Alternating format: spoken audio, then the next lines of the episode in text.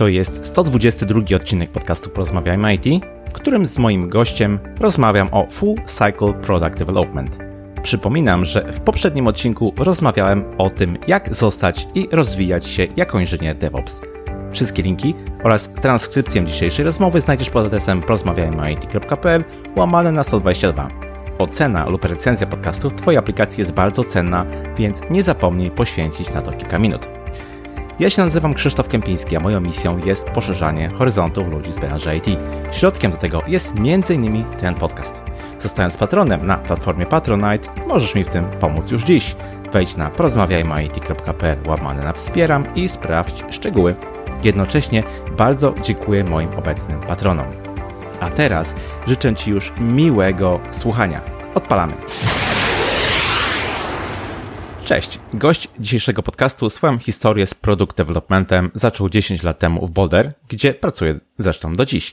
Specjalizuje się głównie w technologiach backendowych, zwłaszcza PHP. Swoje doświadczenie zbudował zarówno na skalowalnych systemach, np. dla BlaBlaCar, jak i na szybkich produktach, których celem był time to market. Sprawuje rolę software architekta, PHP dewelopera i człowieka do pomocy. Chętnie dzieli się swoją wiedzą zarówno w firmie, jak i poza nią, angażując się w rozwój śląskiego community PHPersów. Moim waszym gościem jest Mateusz Rosiek. Cześć Mateusz, miło mi gościć Cię w podcaście. Cześć wszystkim, również miło mi gościć w tym podca podcaście. Bardzo chętnie porozmawiamy sobie o dzisiejszym temacie.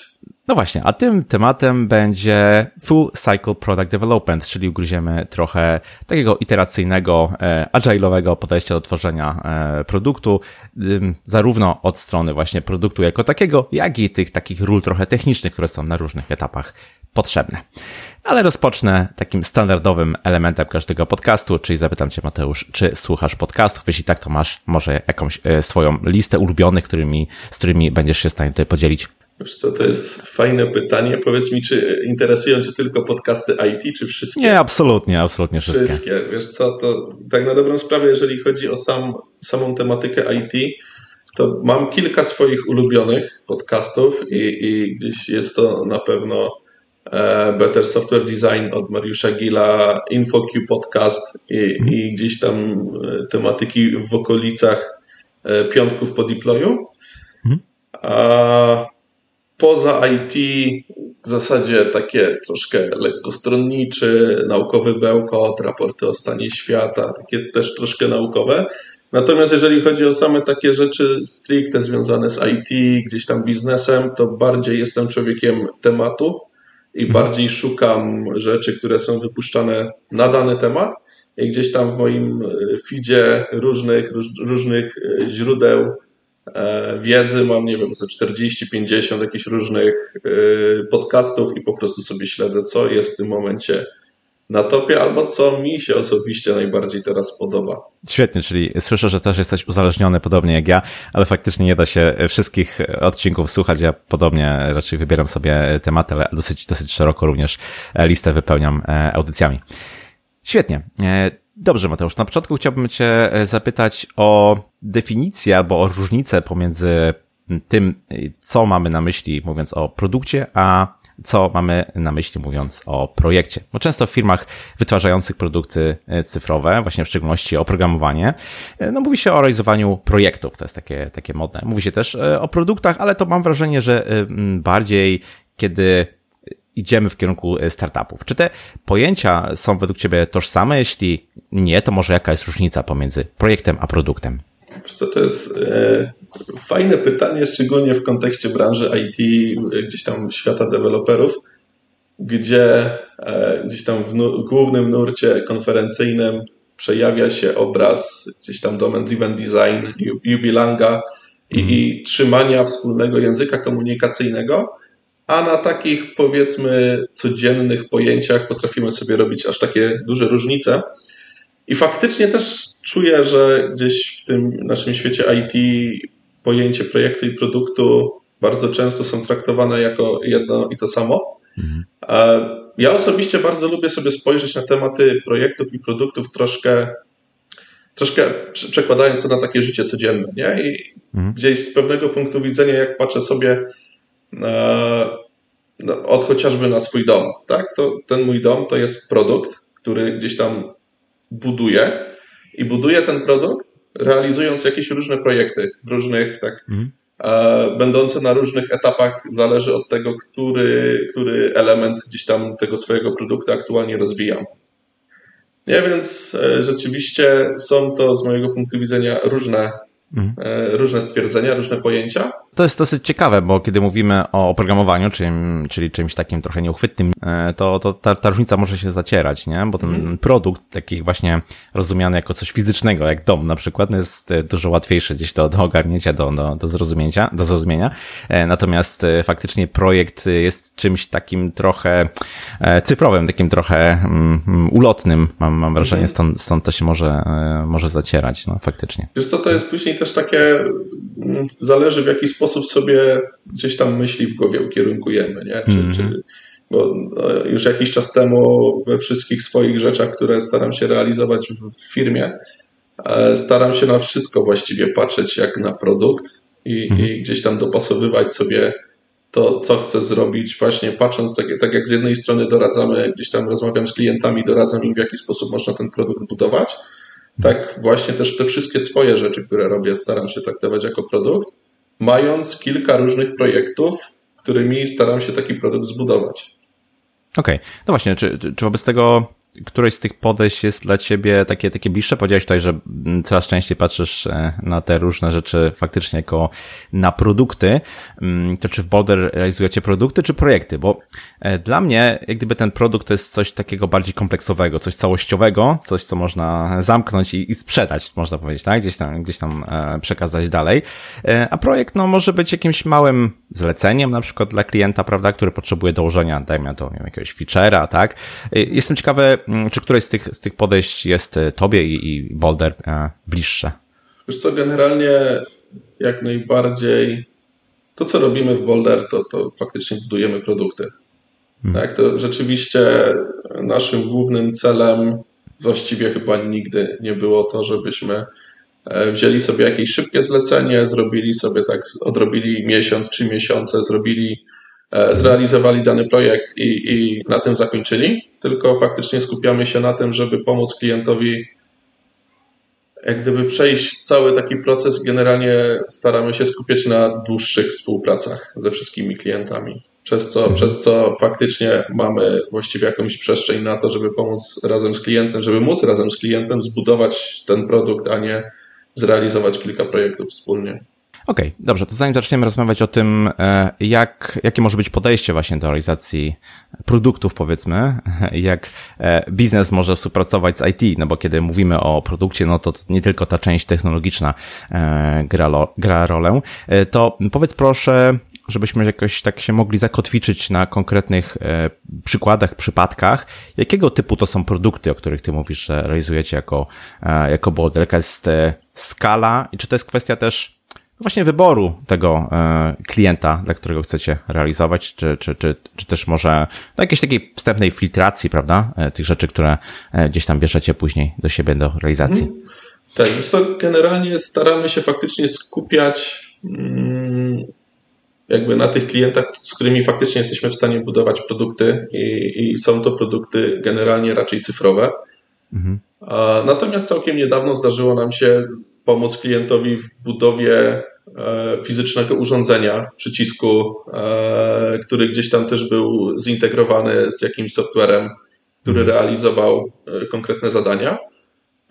Tutaj raczej, raczej staramy się nie ograniczać, chociaż mimo wszystko faktycznie te główne nasze doświadczenia są związane gdzieś z aplikacjami webowymi. Generalnie wszystko to, co w internecie, to jest mhm. to, co nas kręci. Okej. Okay. No i oczywiście tych podejść, czy różnych metodologii, frameworków realizacji tego typu produktów e, cyfrowych, o których tutaj rozmawiamy, w szczególności związanych z oprogramowaniem, e, jest kilka, każdy ma jakieś tam swoje dobre e, praktyki i tak dalej, ale wy wypracowaliście takie no, dosyć unikatowe podejście do budowania właśnie produktów, które nazwaliście Full Cycle Product Development. To jest gdyby temat naszej dzisiejszej tutaj rozmowy. Czy mógłbyś powiedzieć, czym jest to podejście, czym ono się charakteryzuje? Wiesz co, w zasadzie tu chyba musiałbym troszkę więcej genezy zacząć e, wrzucać. No, przez dosyć długi czas działaliśmy bardzo mocno agile'owo. E, w mhm. zasadzie od, od dobrych, nie wiem, 9-10 lat faktycznie działamy bardzo mocno e, w Scrumie. Po jakimś czasie blisko naszemu sercu, blisko naszemu sercu stało się podejście Lean Startupu mhm. i jakby troszkę łącząc sobie te dwa światy, doszliśmy sobie do takiego podejścia, w którym faktycznie staramy się podzielić ten, ten, ten, tę, budowę, tę budowę produktu e, w taki sposób iteracyjny, tak, żeby rzeczywiście dało się zaczynać od mniejszych rzeczy, mhm. które jesteśmy w stanie rozwijać i gdzieś analizować i, i weryfikować jakieś hipotezy, jakieś cele dużo szybciej, niż gdybyśmy chcieli od razu budować jakieś wielkie e, systemy. E, no właśnie, to jest takie mm, bardzo agile'owe też podejście, prawda? Gdzieś ten, ten, ten, ten, to, to, ten lean i ten agile tam mocno jest e, zakotwiczony i no wcześniej to oczywiście tak nie było, prawda? E, całe waterfall, czy takie podejście trochę upfront, kiedy całość założeń, całość specyfikacji, tych ustaleń musiała być poczyniona wcześniej, dopiero później odbywała się realizacja. No mam wrażenie, że, że odszedł już przynajmniej w IT. No, oczywiście nie, nie we wszystkich gałęziach, bo w niektórych gdyby takie podejście jest jedynym dopuszczalnym. Coraz częściej mówi się o tym i stosuje się Scrama, czy w ogóle takie podejście agile, takie właśnie tworzenie modelu przyrostowym, które pokazało, że tak się da robić, tak, produkty, że, że to się sprawdza, że to ma w ogóle sens. Mm, chcę cię zapytać, jakie fazy rozwoju produktu właśnie wyodrębniliście w tym waszym podejściu do, do budowania hmm. produktów? Czy, czy są w ogóle jakieś? Tak, w zasadzie w tym naszym podejściu wyodrębniliśmy sobie cztery e, fazy. Jest to faza prototypowania, e, faza MVP, product market fitu i, i skalowania, tak, czyli scaling. Mhm. E, jakby każda z tych faz jest różna właściwie w samym założeniu i celu, który staramy się zrealizować. Tak? Bo, bo gdzieś mhm. E, na, samym, na samym prototypie tutaj powiedzmy bardzo często jesteśmy w stanie zwalidować jakąś hipotezę, prototypując rozwiązanie, nawet w ogóle nie dotykając softu, tak? w ogóle nie dotykając kodu, Mhm. Zresztą w zasadzie bardzo podobnie, e, bardzo podobnie jak w e, MVP podejściach. Tak? Tutaj też jesteśmy w stanie zrobić coś, co nie będzie napisanym kodem, tak? nie, nie, nie będziemy tam sobie używali super wzorców, ale użyjemy jakiegoś podejścia typu nie wiem, low code, no code i mhm. pójdziemy sobie w taką stronę, czy, czy chociażby w prototypie tak po prostu narysujemy na kartce mhm. coś, co będziemy w stanie zaprezentować E, potencjalnym gdzieś użytkownikom, czy, czy w ogóle co, co, coś takiego się będzie sprawdzało, tak? czy, czy, czy w mhm. ogóle znajdziemy kogokolwiek zainteresowanego jakimś podejściem. W całym tym naszym podejściu to, co jest z mojego punktu widzenia dosyć istotne, to to, że właściwie każda kolejna faza zawiera w sobie e, poprzednią. Tak? Więc to nie jest tak, że nagle tak przechodzimy sobie E, z fazy product market fit do scaling, tak, gdzie już mhm. staramy się działać powiedzmy na, na rzeczywiście wyskalowaniu tej aplikacji e, pod każdym względem, tak? Oprócz tego, że biznesowo to również gdzieś tam technologicznie staramy się albo mhm. stworzyć, albo dopasować gdzieś tam bezpieczeństwo tej aplikacji, albo staramy się dopasować chociażby wydajność tej aplikacji. Natomiast w takim podejściu nadal, jeżeli zaczynam, zaczynają nam się pojawiać jakieś nowe pomysły związane e, z kolejnymi nowymi funkcjonalnościami, to tutaj też musimy pamiętać, że te nowe funkcjonalności też jesteśmy w stanie w ten sam sposób sobie przebadać. Tak? Znowu jesteśmy w stanie mhm. przejść przez prototyp, żeby sprawdzić, czy to w ogóle ma jakikolwiek, ma jakikolwiek sens. Znowu jesteśmy w stanie przejść przez MVP, żeby sprawdzić, e, czy znajdziemy potencjalnych odbiorców tej aplikacji faktycznie dopasowując ją do nas. Mhm. E, jesteśmy w stanie przejść przez product market fit, żeby dopasować kilkoma różnymi właściwie MVP e, tą naszą nową funkcjonalność, ten nasz nowy pomysł do całego konceptu i dalej, tak przechodząc sobie w scaling, znowu jesteśmy w stanie to jakoś skalować dalej. Okay, czyli tutaj w nazwie jest ten cykl, o którym mówiłeś, prawda, że to jak gdyby są takie, takie fazy, takie iteracyjne dostarczanie, bardzo charakterystyczne dla właśnie podejścia e, e, agile'owego. I nie wiem, czy tutaj dobrze zrozumiałem, ale mm, popraw mnie, jeśli się mylę. Mówiłeś, że jeśli jesteśmy już w tej fazie e, skalowania, kiedy aplikacja jest dojrzała, powiedzmy jakoś tam biznesowo i technologicznie funkcjonuje, tak? I jest pomysł na, no, na przykład jakąś funkcjonalność nową, jakiś nowy, nowy feature, to znowu wracamy do etapu prototypowania. Wszystkie te poszczególne etapy muszą być spełnione, żeby dojść do znowu do etapu skalowania, kiedy ta funkcjonalność już wiemy, że jest sprawdzona, e, dojrzała i po prostu dostępna dla rynku, tak? Tak to funkcjonuje. Generalnie zgodnie z tym założeniem tak to funkcjonuje. Jest to powiedzmy o tyle fajne, że w zasadzie to mi się osobiście mega mocno spina z e, cytatem, który kiedyś słyszałem na temat elevator speecha, podejścia gdzieś tam w skramie. Mhm gdzieś w tym elevator speechu, który słyszałem, e, padło hasło, dlaczego, dlaczego Scrum jest lepszy niż podejścia waterfallowe, ponieważ w dwa tygodnie dostarczymy ci coś, czego nie chcesz. Nie? A w waterfallu w ciągu pół roku dostarczymy ci dopiero coś, czego nie mhm. chcesz. Tak, tak samo tutaj e, dokładnie w ten sam sposób na to patrzę. Tak? Jeżeli zrealizujemy sobie ten cykl w ten sposób, to dużo szybciej jesteśmy w stanie dostać odpowiedź od rynku, że nikt tego nie chce, nikt tego nie potrzebuje. Tak? Jesteśmy w mhm. stanie bardzo mocno ograniczyć koszty stworzenia czegoś nowego, mhm. tylko na trochę innym poziomie, tak? Nie, nie, na tym poziomie powiedzmy realizacji projektu, tylko budowania produktu. Okej, okay, okej. Okay. Chciałbym jeszcze lepiej zrozumieć, dlaczego zdecydowaliście się właśnie na podzielenie prac nad produktem na fazy. W sensie zostawić na przykład to z takim e, klasycznym e, Scrumem, gdzie oczywiście rzeczy dzieją się iteracyjnie, dowozimy pewne, pewne kolejne feature'y na przykład e, iteracyjnie, ale no takich faz gdyby nie ma bezpośrednio, prawda? W tym frameworku skramowym o niczym takim jak gdyby się nie mówi. Nie wiem, czy, czy, czy takie fazy, o których tu mówiłeś, MVP, później pewnej dojrzałości, pewnego skalowania. E, czy to coś daje temu zespołowi skramowemu, który na co dzień, można powiedzieć, pracuje nad produktem? Albo może jeszcze z drugiej strony, wiem, że dużo pytania, ale może zapamiętasz wszystkie. Jakie klient ma z tego e, korzyści gdzieś na koniec dnia?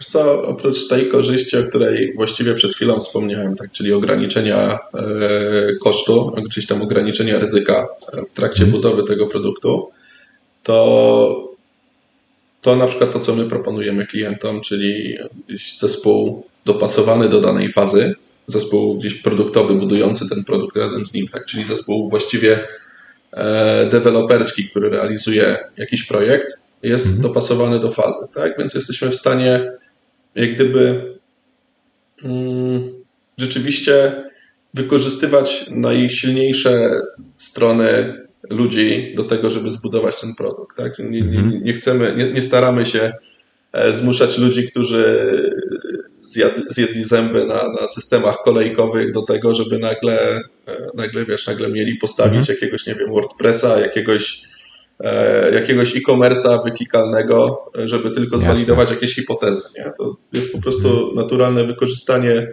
mocnych stron wszystkich członków zespołu, całej ekipy. Okej, okay, to chciałbym Cię jeszcze zapytać o te zyski dla klienta właśnie ze stosowania takiego e, iteracyjnego, cyklicznego e, podejścia, o którym tutaj mówimy. Co mm, dostaje gdyby klient, e, decydując się na realizację produktu według tego podejścia? Mhm.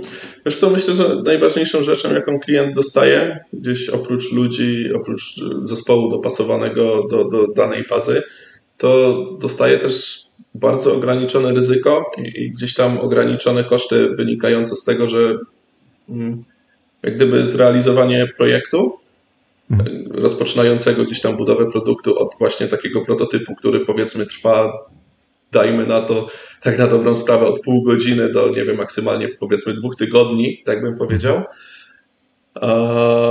no pozwala dużo szybciej e, dopasowywać swój pomysł do tego, czego faktycznie ludzie na rynku potrzebują, do tego, czego biznes potrzebuje, co, za co ludzie będą chcieli w ogóle chcieć zapłacić jakieś pieniądze, tak? bądź czego ludzie będą chcieli używać. Mm. Nie, więc to, to na pewno bardzo mocno redukuje koszty i, i przyspiesza gdzieś wystartowanie tego produktu w takim kształcie, którego rzeczywiście ktoś będzie oczekiwał. Rozumiem. E, mówiłeś tutaj o tym, że ten zespół jest dopasowany. Mm, e, mówiłeś też, że są różne fazy, które tak przypuszczam wymagają udziału różnych ról, żeby te fazy e, zrealizować. Tak to przynajmniej sobie wyobrażam. E, czy byłbyś w stanie właśnie opowiedzieć nieco więcej o tych poszczególnych fazach, też z takim nastawieniem, jaki jest udział zespołów techniczno-deweloperskich w poszczególnych fazach? Mhm. Wiesz co, pełen ownership za realizację danego projektu zostawiamy faktycznie na zespole deweloperskim, tak? Więc to koniec mhm. końców E, zespół deweloperski będzie e, dobierał odpowiednie narzędzia do tego, żeby zbudować dany produkt. E, natomiast oprócz samego zespołu deweloperskiego oferujemy naszym klientom między innymi rolę na przykład product strategista, tak, czyli człowieka, który mhm. Mm, rzeczywiście jest w stanie wspomóc klienta w przygotowaniu odpowiedniej strategii na zbudowanie takiego produktu. Mhm. To, co proponujemy, powiedzmy, Tutaj nomenklatura jest jeszcze taka mocno podzielona, natomiast gdzieś z jednej strony na rynku spotykamy się z czymś, z pojęciem architektów.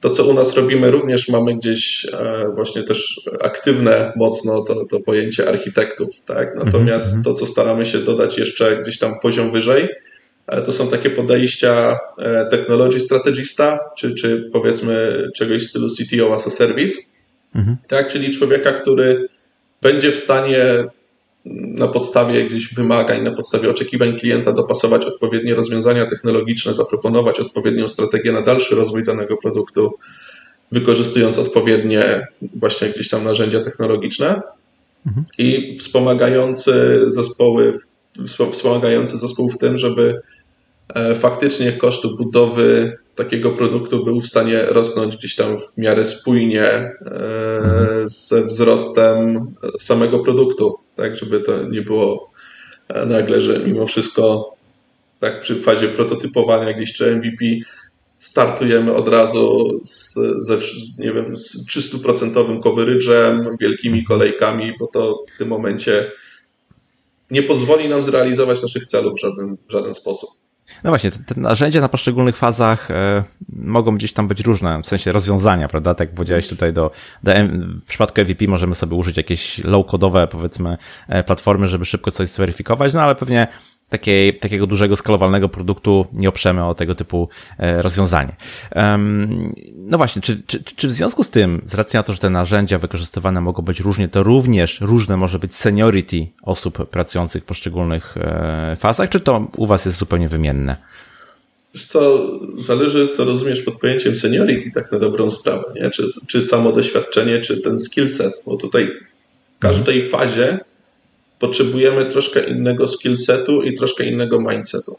Tak? Czyli, okay. czyli e, powiedzmy, jestem w stanie sobie bez większego problemu wyobrazić człowieka, który na przykład e, będzie miał dziesięcioletnie doświadczenie w WordPressie, tak? będzie takim senior mm. WordPress deweloperem, który mega fajnie będzie w stanie nam pomóc rozwiązać jakieś problemy Jasne. E, klienta właśnie gdzieś przy MVP Pewnie w jakimś stopniu, tak, jeżeli dobrze sobie całość zaprojektujemy i dobrze sobie tego WordPressa schowamy gdzieś za czymś, żeby deweloperzy w scalingu nie musieli go dotykać, tak, bo, bo znowu przypuszczalnie nie będzie to dla nich największa radość, tak, mm. to, to e, też nie wykluczałbym takiego podejścia, nie? więc mhm. tutaj e, bardziej staramy się skupić na tym, czy ktoś mindsetowo i skillsetowo jest dopasowany do odpowiedniej fazy, mhm.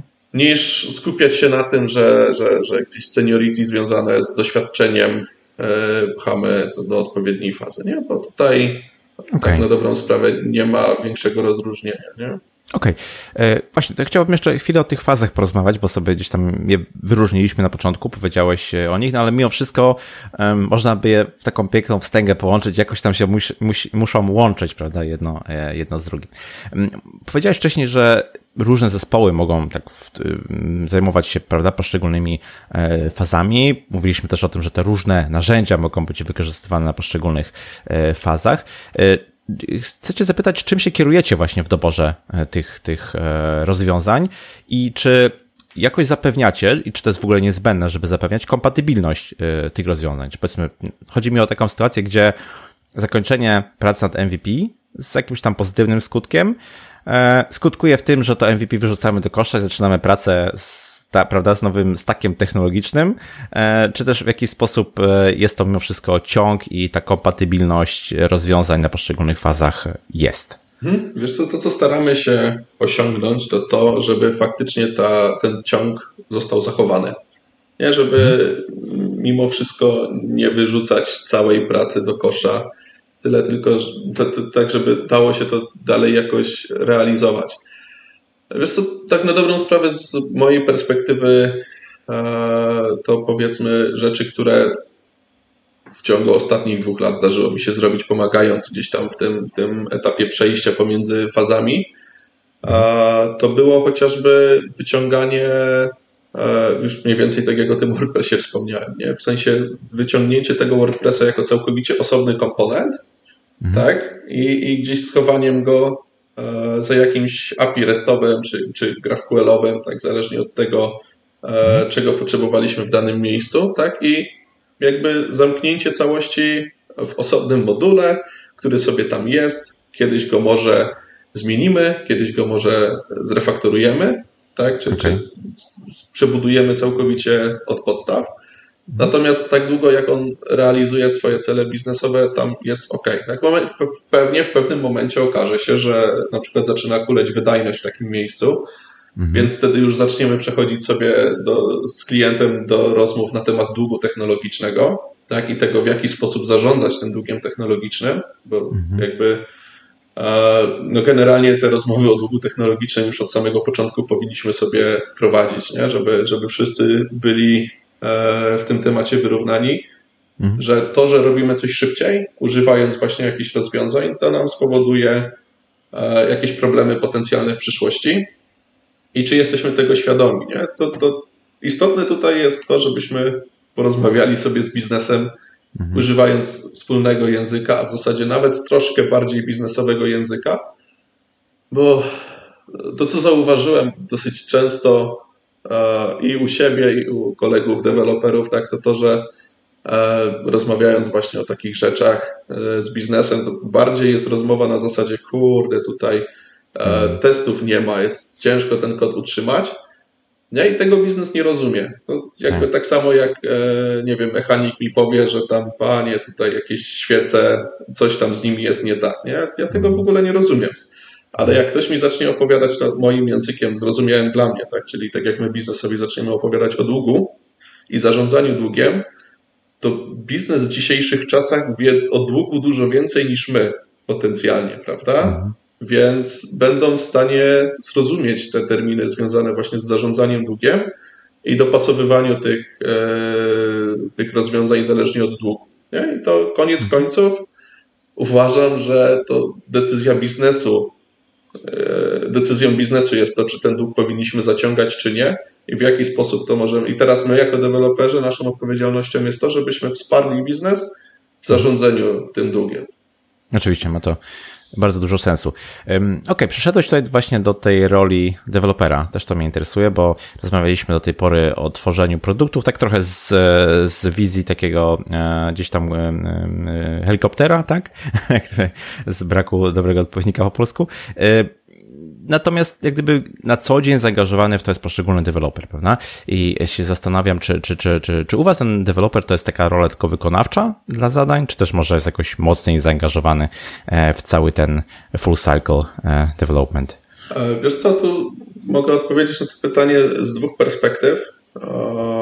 W zasadzie takiego dewelopera w fazie, tak? czyli deweloper w fazie czyli osoba, która gdzieś tam współpracuje z klientem w określonej fazie głównie. Nie? I tutaj taki deweloper, w zasadzie może tak nawet, e, każdy nasz projekt, który realizujemy, tak, e, zaczynamy od warsztatów z klientem, czyli, czyli gdzieś tam warsztatów Product Discovery, na których odkrywamy, co my tak naprawdę chcemy robić i już od tego etapu nasi deweloperzy współpracują z klientem, tak? czyli już od tego mhm. etapu, na którym gdzieś tam rolę product strategista, technology strategista czy, czy new product guide'a wchodzą i pomagają klientowi, e, pomagają z klienta wyciągnąć, co my chcemy tak naprawdę zrobić, to na takie same warsztaty bierzemy od razu cały zespół deweloperski, który potencjalnie mhm.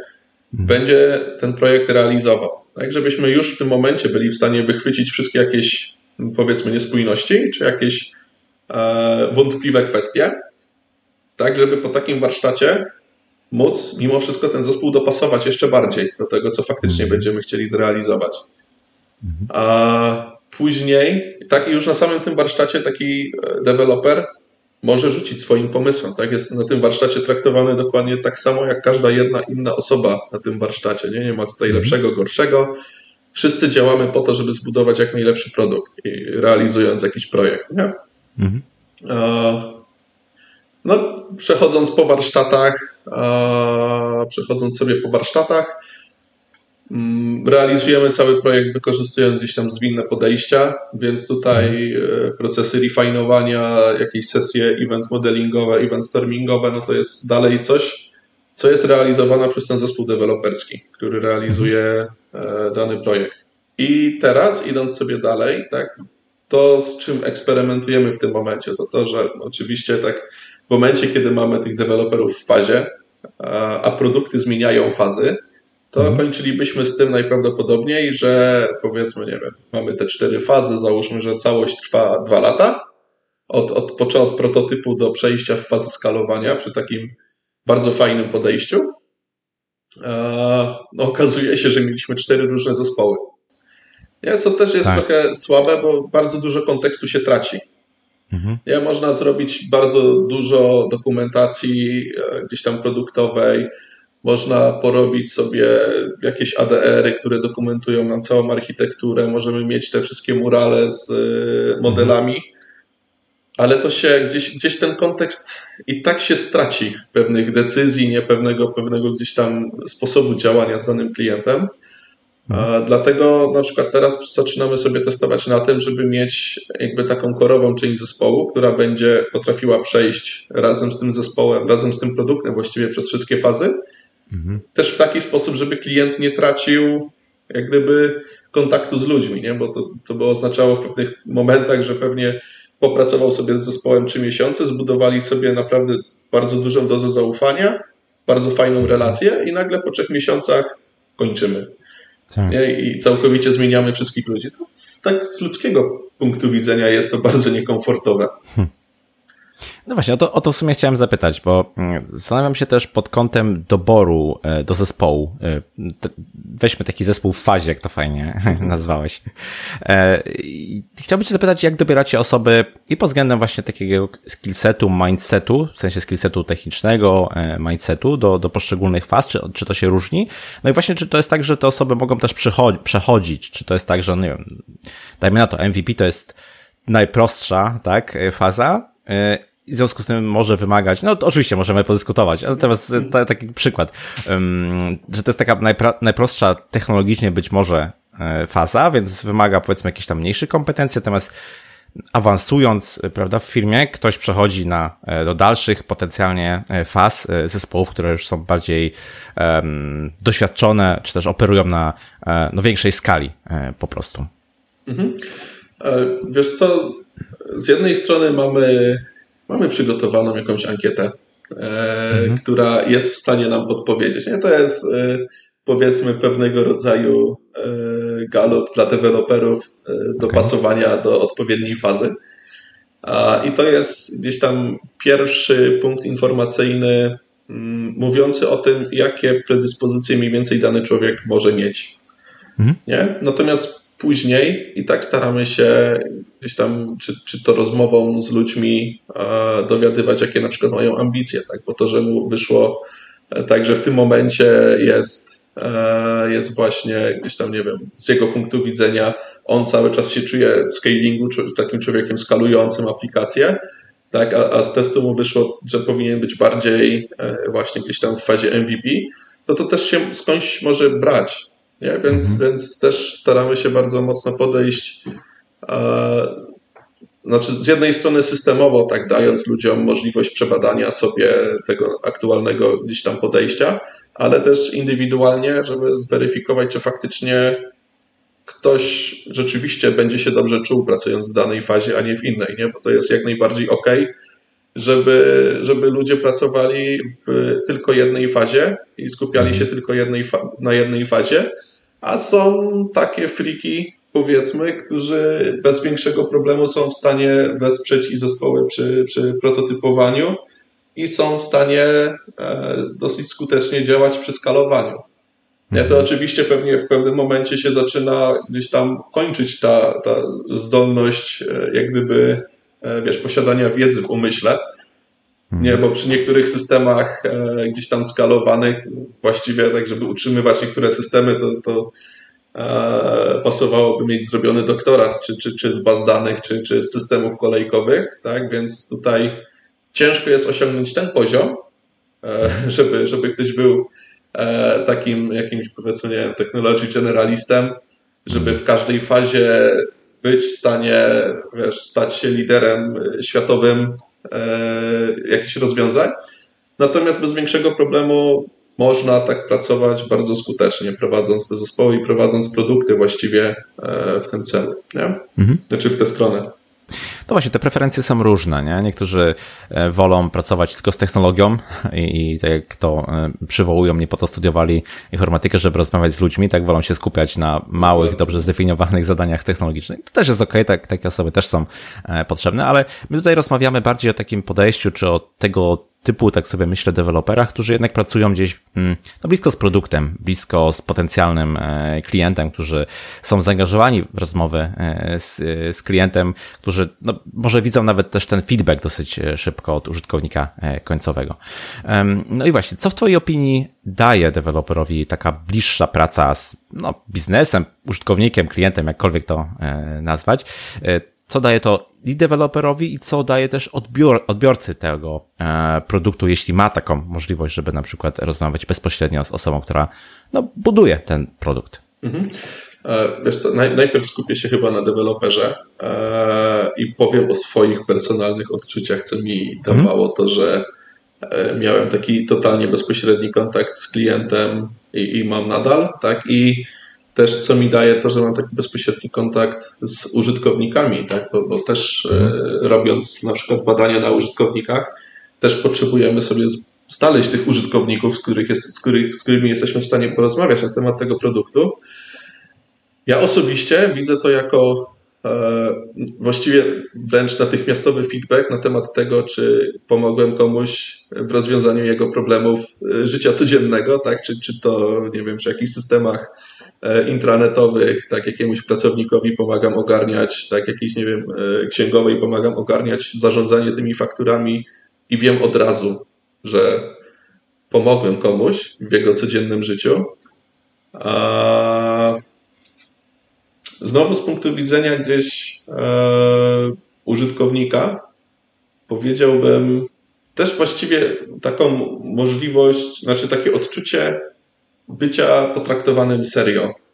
Mhm. Nie, bo w momencie, kiedy e, mój komunikat jako użytkownika będzie musiał przejść przez 10 różnych proksy, kilkanaście różnych mhm. osób będzie to musiało przemielić, to jest duże ryzyko, że ta moja rzeczywista intencja gdzieś się zgubi.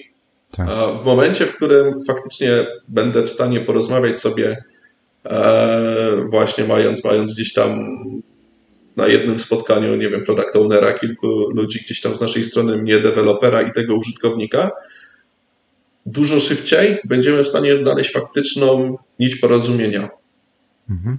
Nie? I rzeczywiście dużo szybciej będziemy w stanie znaleźć te obszary, które rzeczywiście są problematyczne dla tego użytkownika, które jesteśmy w stanie faktycznie pomóc i to mu coś da, a nie, nie będziemy próbowali wymyślać koła na nowo i zastanawiać się, dobra, co by mu mogło było pomóc. Hmm.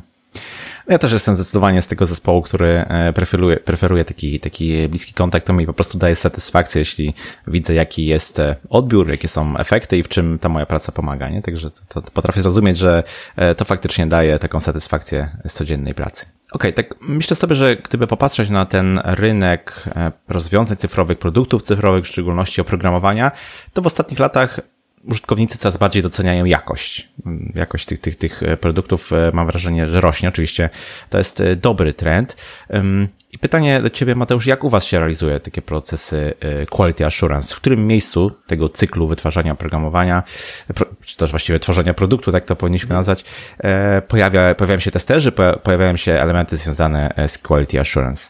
Co właściwie od tego momentu, od którego rzeczywiście trzeba takiego człowieka. Nie? Czyli w momencie, mhm. kiedy faktycznie e, zaczynamy coś robić, co potencjalnie będzie mogło trafić do ludzi, to już myślę, że to jest dobry moment, w którym e, to podejście jakościowe powinno zacząć się pojawiać. E, gdzieś tam w naszym podejściu oprócz mamy, mamy w zasadzie dwie różne role związane z jakością mhm. jaki mamy quality assurance inżynierów, tak, ludzi, którzy gdzieś tam skupiają się troszkę bardziej na takiej automatyzacji i na takim trochę bardziej e, nie chciałbym ująć, nie, nie chciałbym tego zamykać faktycznie w słowie inżynierskim podejściu, co bardziej takim mocno technicznym podejściu, tak, i takiej analizie pod kątem tego, czy, czy gdzieś technicznie nie, nie, nie zawalamy tej jakości, ale z drugiej strony mamy taki, mamy e, kierunek gdzieś tam roli e, quality assurance slash business analyst, czyli okay. tych ludzi, którzy na przykład wspomagają nam e, w zweryfikowaniu gdzieś tam tej jakości na poziomie biznesowym i są w stanie nam pomóc zweryfikować gdzieś tam ten produkt finalnie, nie? czy, czy mhm. rzeczywiście realizuje te założenia między innymi jakościowe po zbudowaniu. Co do samego podejścia już wiesz, stricte wykonawczego, tak, czyli takiego troszkę bardziej mięska dla deweloperów, mhm. to tak na dobrą sprawę raz, że mając to podejście z jakimś technology strategistem, z jakimiś, z jakimiś architektami, cały czas wiemy, że ten produkt, cały czas wierzymy razem z klientem, że ten produkt kiedyś będzie skalowalny. Okay. Nie? To, więc mhm wiedząc, że ten produkt będzie kiedyś skalowalny, to też od samego początku, gdzieś tam wiesz, pisząc kod do MVP, też muszę pamiętać o tym, nie? Bo znowu też trzeba mhm. pamiętać o tym, co, co bardzo często ludzie, e, o, o czym bardzo często ludzie potrafią zapomnieć. Przy słowie MVP w definicji tego nie mamy olej jakość, tylko mhm. mamy wyciągnij minimalną wartość produktu, którą będziemy w stanie testować coś. Nie? Więc tutaj też musimy się skupić na tym, żeby, żeby mimo wszystko te testy sobie móc gdzieś napisać. Jasne, jasne. Okej, okay. no właśnie ta, ta jakość jest, jest y, ważna i ważne jest to, żeby myśleć o tym na początku, nie? Że to nie jest tak, że na początku jest proces deweloperski, a dopiero później e, quality assurance, tylko to raczej się spaja e, w taki jeden ciąg, pewnie. Mm, o to samo w sumie chciałem Cię zapytać w kontekście e, DevOpsów, bo często widzę, że to jest taki taka rola pod tytułem inżynier, który zajmuje się trochę tak utrzymaniem aplikacji, trochę, trochę infrastrukturą gdzieś tam e, w chmurze. I to jest oczywiście takie mm, niepełne korzystanie z tego założenia e, DevOpsowego, jak, jak było ono pierwotnie zdefiniowane. E, czy u Was taka kultura DevOpsowa też panuje? W jaki sposób do tego podchodzicie? Wiesz co, tu staramy się podchodzić do tego rzeczywiście tak, jak to jest z definicji. Tak, mamy hmm. też między innymi w firmie rolę DevOps Guide'ów, czyli ludzi, którzy rzeczywiście wspierają zespoły nie w tym, że nam napiszą kilka linijek konfiguracji, tak, których będziemy później używali jako infrastructure as a code, tylko hmm. którzy nauczą nas tego podejścia i, i, będą wspierali zespoły w tym podejściu, żeby rzeczywiście całe, całe procesy continuous integration e, i, i zależnie od tego, jakie mamy faktycznie potrzeby, tak, i, i jaki jaki gdzieś też mamy e, powiedzmy mindset czy, czy, czy zespołu, czy klienta, tak? czy, czy, czyli podejście, czy, czy continuous delivery, czy continuous deployment. No bo mhm. jakby nie wszyscy są gotowi na takie rzeczy i trzeba sobie to dopasować, dopasowywać do kontekstu. Natomiast staramy się bardzo mocno, żeby, ten, żeby to wsparcie DevOpsowe było cały czas e, w zespole, żeby ludzie mieli wsparcie w razie, gdyby sobie z czymś nie poradzili.